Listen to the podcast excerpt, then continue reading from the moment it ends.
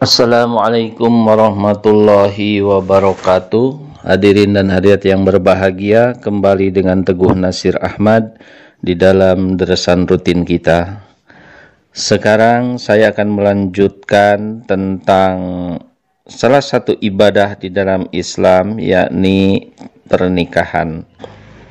Setelah mengetahui Siapa yang harus kita ambil sebagai jodoh dan siapa yang tidak boleh dijadikan untuk jodoh kita, untuk pasangan kita, maka selanjutnya Islam mengajarkan kepada kita tentang kufu. Kufu artinya kesetaraan. Nah, di sini harus betul-betul kita pahami karena di dalam kenyataan dalam hal kupu ini lebih eh, kepada kupu dalam hal dunianya, kesetaraan di dalam dunianya saja yang baru menonjol di sini. Jadi sebagaimana Allah Subhanahu wa taala berfirman di dalam surat An-Nisa ya di bagian awal di sini Allah Subhanahu wa taala memanggil kepada semua umat manusia. Wahai semua umat manusia, ittaqu rabbakum. Takutlah kepada Tuhanmu alladzi khalaqakum yang telah menciptakan kamu min nafsi wahidah dari satu jiwa wa khalaqa minha zaujaha dan dia telah menciptakan daripadanya zaujaha pasangannya jodohnya. Di sini dijelaskan bahwa manusia diciptakan oleh Allah Subhanahu wa taala ini sudah dengan jodohnya dengan pasangannya. Min nafsi wahidah yang sejiwa, yang satu jenis. Manusia diciptakan oleh Allah Subhanahu wa taala dengan tujuan yang sama. Yang sejenis apa? Itulah yang dijelaskan di dalam surat Ad-Dariyat. Wa ma khalaqtul jinna wal insa illa liya'budun. Dan tidaklah kami menciptakan jin dan manusia melainkan untuk beribadah kepada Allah. Jadi laki-laki ataupun perempuan diciptakan oleh Allah Subhanahu wa taala dengan tujuan yang sama yakni beribadah kepada Allah Subhanahu wa taala. Maka dalam ayat lain Allah taala menjanjikan siapa laki-laki yang beriman dan bertakwa dan dia ahli ibadah kepada Allah begitu juga perempuan sama seperti itu maka jaminannya adalah sorga Nah, jadi yang dimaksud jodohnya itu bagi seorang yang beriman, dia seorang abid ahli ibadah, maka jodohnya pun yang sejiwa, yang sejenis, yaitu perempuan yang beriman, bertakwa, dan selalu beribadah kepada Allah Subhanahu wa Ta'ala. Maka itulah pasangannya. Maka di dalam ayat yang saya bacakan di, di awal yakni surat Al-Baqarah ayat 222 itu wala tankihul musrikati hatta yu'mina. Jadi kita di situ dilarang menikahi orang-orang yang musyrik. Artinya dia tidak satu jiwa di dalam hal keimanan. Dia bukan ahli ibadah, bahkan dia orang yang mempersekutukan Allah Subhanahu wa taala. Itulah yang dimaksud dengan salah satu yang dimaksud dengan min nafsi wahidah bahwa kita dijadikan ini adalah dari satu jiwa. Nah, jadi inilah yang sebenarnya atau hakikat yang sebenarnya arti daripada kufu. Kufu di dalam keimanannya. Nah, inilah yang harus dicari. Jadi, orang-orang yang beriman harus mencari orang-orang yang beriman lagi, baik laki-laki ataupun perempuan. Inilah yang dikatakan bahwa manusia diciptakan oleh Allah Ta'ala sudah dengan jodohnya. Orang yang beriman dengan yang beriman. Nah, siapakah orang yang beriman itu? Nah, carilah yang cocok ya dengan cara pencarian yang dicontohkan oleh Islam. Alhamdulillah di jemaat kita hal ini sudah diatur dengan yang namanya Ristanata. Jadi sekretaris Ristanata inilah yang akan membantu di dalam hal perjodohan ini sampai mendapatkan jodoh yang terbaik tentunya. Nah, di sini diperlukan musyawarah antara anak, e, ibu bapak, keluarga dan para, para pengurus yang diberi tanggung jawab oleh e, halifah kita ya. Ingat halifah kita ini adalah penerus dari seorang utusan Allah Subhanahu wa taala berarti yang dibawa oleh beliau ini adalah misi Allah Subhanahu wa taala. Tentunya kita harus memperhatikan itu semua. Nah, bagaimana kalau kita sudah mengikuti petunjuk ini memenuhi persyaratan-persyaratan awal tadi, kemudian kita juga langkah kedua ya, kita juga memilih orang yang ahli ibadah yang sejenis yang kupu ya sama di dalam keyakinan dalam akidahnya juga ya. Maka bagaimana kata Allah Subhanahu wa taala di dalam surat Arum ayat 22 A'udzu billahi minasyaitonir wa min ayatihi an khalaqalakum min anfusikum azwaja dan dari antara tanda-tandanya ialah bahwa dia telah menciptakan bagimu jodoh-jodoh dari jenismu sendiri. Nah, di ayat ini diulang lagi. Jadi, ini juga merupakan penegasan bahwa setelah kita di dalam surat An-Nisa tadi disuluh diperintahkan untuk mengambil jodoh yang sejenis, maka apabila kita sudah mengambilnya, jodoh kita yang sejenis di dalam keimanan, di dalam ibadahnya, dalam keyakinannya, maka apa yang akan terjadi? Litas kunu ilaiha. Maka akan terjadilah suatu keluarga yang sakinah, yang tentram. Waja'ala bainakum mawadah. Kemudian akan terjadi di antara kamu mawaddah saling cinta mencintai.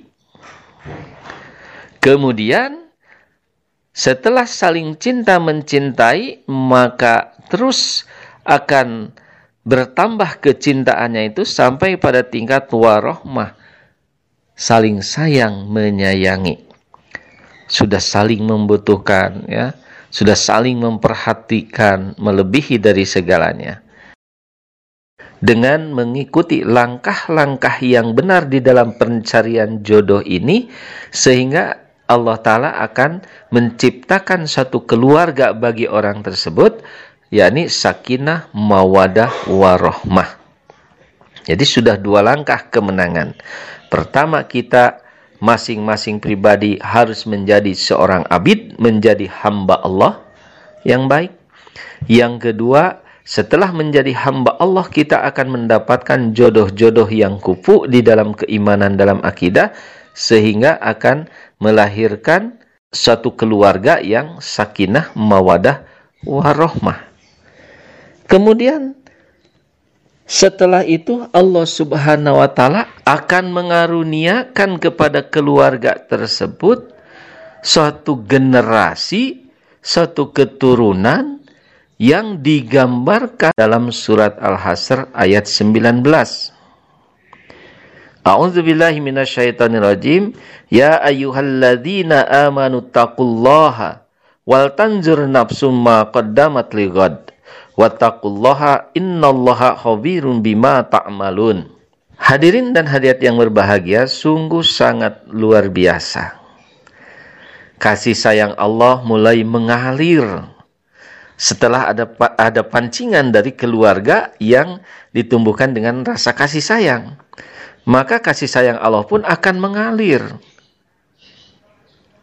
kepada keluarga itu sehingga panggilan yang tadinya ya ayuhannas hai manusia tetapi di ayat ini Allah Subhanahu wa taala mengangkat manusia mengakui manusia sebagai orang yang mengikuti kepada petunjuk dan syarat-syarat di dalam hal ini dengan panggilan ya ayyuhalladzina amanu.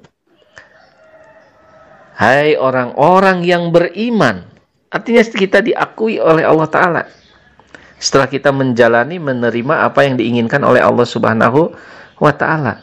Siapa yang akan dilahirkan oleh keluarga tersebut dijelaskan di dalam surat An-Nisa ayat 37. A'udzu billahi minasyaitonir rajim wa'budullaha wa la tusriku bihi syai'a. Bahwa akan tercipta hamba-hamba Allah akan terlahir generasi-generasi yang menjauhi syirik. Dia akan selalu mengesahkan Allah Subhanahu wa taala. Dia akan menjunjung tinggi ketauhidan Syahadatnya bukan hanya slogan dalam mulutnya saja. Ashadu alla ilaha illallah akan dibuktikan di dalam kehidupan mereka. Bagaimana seorang yang mewahid, yang hanya mengesahkan Allah subhanahu wa ta'ala. Kemudian dia juga akan berbuat baik kepada kaum kerabat, kepada anak yatim, orang-orang miskin, kepada tetangga dekat atau tetangga jauh, kepada handai tolan, kepada ibnu sabil, kepada pembantu atau hamba sahaya. Itu yang akan dilakukan oleh hamba Allah. Menjauhi syirik dan selalu berbuat baik kepada semua makhluk Allah subhanahu wa ta'ala. Nah, luar biasa hadirin dan hadirat yang berbahagia hasil dari pertemuan perjodohan yang sekupu akan mengarah kepada kebaikan dunia dan akhirat. Karena ini juga sudah dijanjikan oleh Allah Subhanahu wa taala kepada kita semua jika kita mau mengikutinya dengan benar. Dan tentunya di dalam mengikuti hal ini bukan suatu hal yang mudah hadirin yang berbahagia karena kita dihadapkan kepada ego kita yang menghantui kita mungkin keluarga, tetangga kita, masyarakat kita, adat yang ada di dalam lingkungan kita. Kita di sini disuruh berjihad oleh Allah Subhanahu wa taala. Jadi tidak memberikan secara gratis, ya. Tapi Allah Subhanahu wa taala ingat adalah memiliki sifat rahim. Sebesar apa pun usaha kita di dalam menegakkan ibadah yang namanya pernikahan ini, menyesuaikan dengan keinginan Allah Subhanahu wa taala, menyesuaikan dengan petunjuk-petunjuk Nabi Muhammad sallallahu alaihi wasallam, tentu ini adalah merupakan jihad bagi kita. Karena ini sangat tidak mudah dalam menegakkannya di dalam apa namanya itu di dalam kehidupan sehari-hari ini, di lapangan ini. Tetapi inilah tugas kita. Karena kita menginginkan generasi yang tangguh, generasi yang kuat, bagaimana bisa lahir generasi yang tangguh yang kuat jika kita sebagai orang tuanya yang akan melahirkan lemah. Dan kita mempunyai misi yang sangat agung, yuhyidina wa yukimus syariat. Menghidupkan agama dan menegakkan syariat. Kapan lagi kita mau menegakkan syariat ini jika kita masih mengikuti cara-cara umum? Aduh ini tidak enak dengan tetangga, aduh ini tidak enak dengan adat kebiasaan kita. Tetapi itulah semuanya diciptakan oleh Allah Ta'ala sebagai ladang pahala untuk kita ketika kita bisa melawan itu semua tentunya dengan baik dengan bijak, dengan komunikasi yang baik. Nah, kalau kita tidak memulainya, kapan agama kita mau hidup, syariat kita mau tegak? Jadi inilah perjuangan kita hadirin dan hadirat yang berbahagia. Insya Allah, apa yang dijanjikan oleh Allah Subhanahu wa Ta'ala kepada keluarga yang benar-benar mengikuti syarat-syarat di dalam pelaksanaan pernikahan ini. Insya Allah akan dilanjutkan dalam deresan berikutnya. Wabillahi taufiq wal hidayah. Wassalamualaikum warahmatullahi wabarakatuh.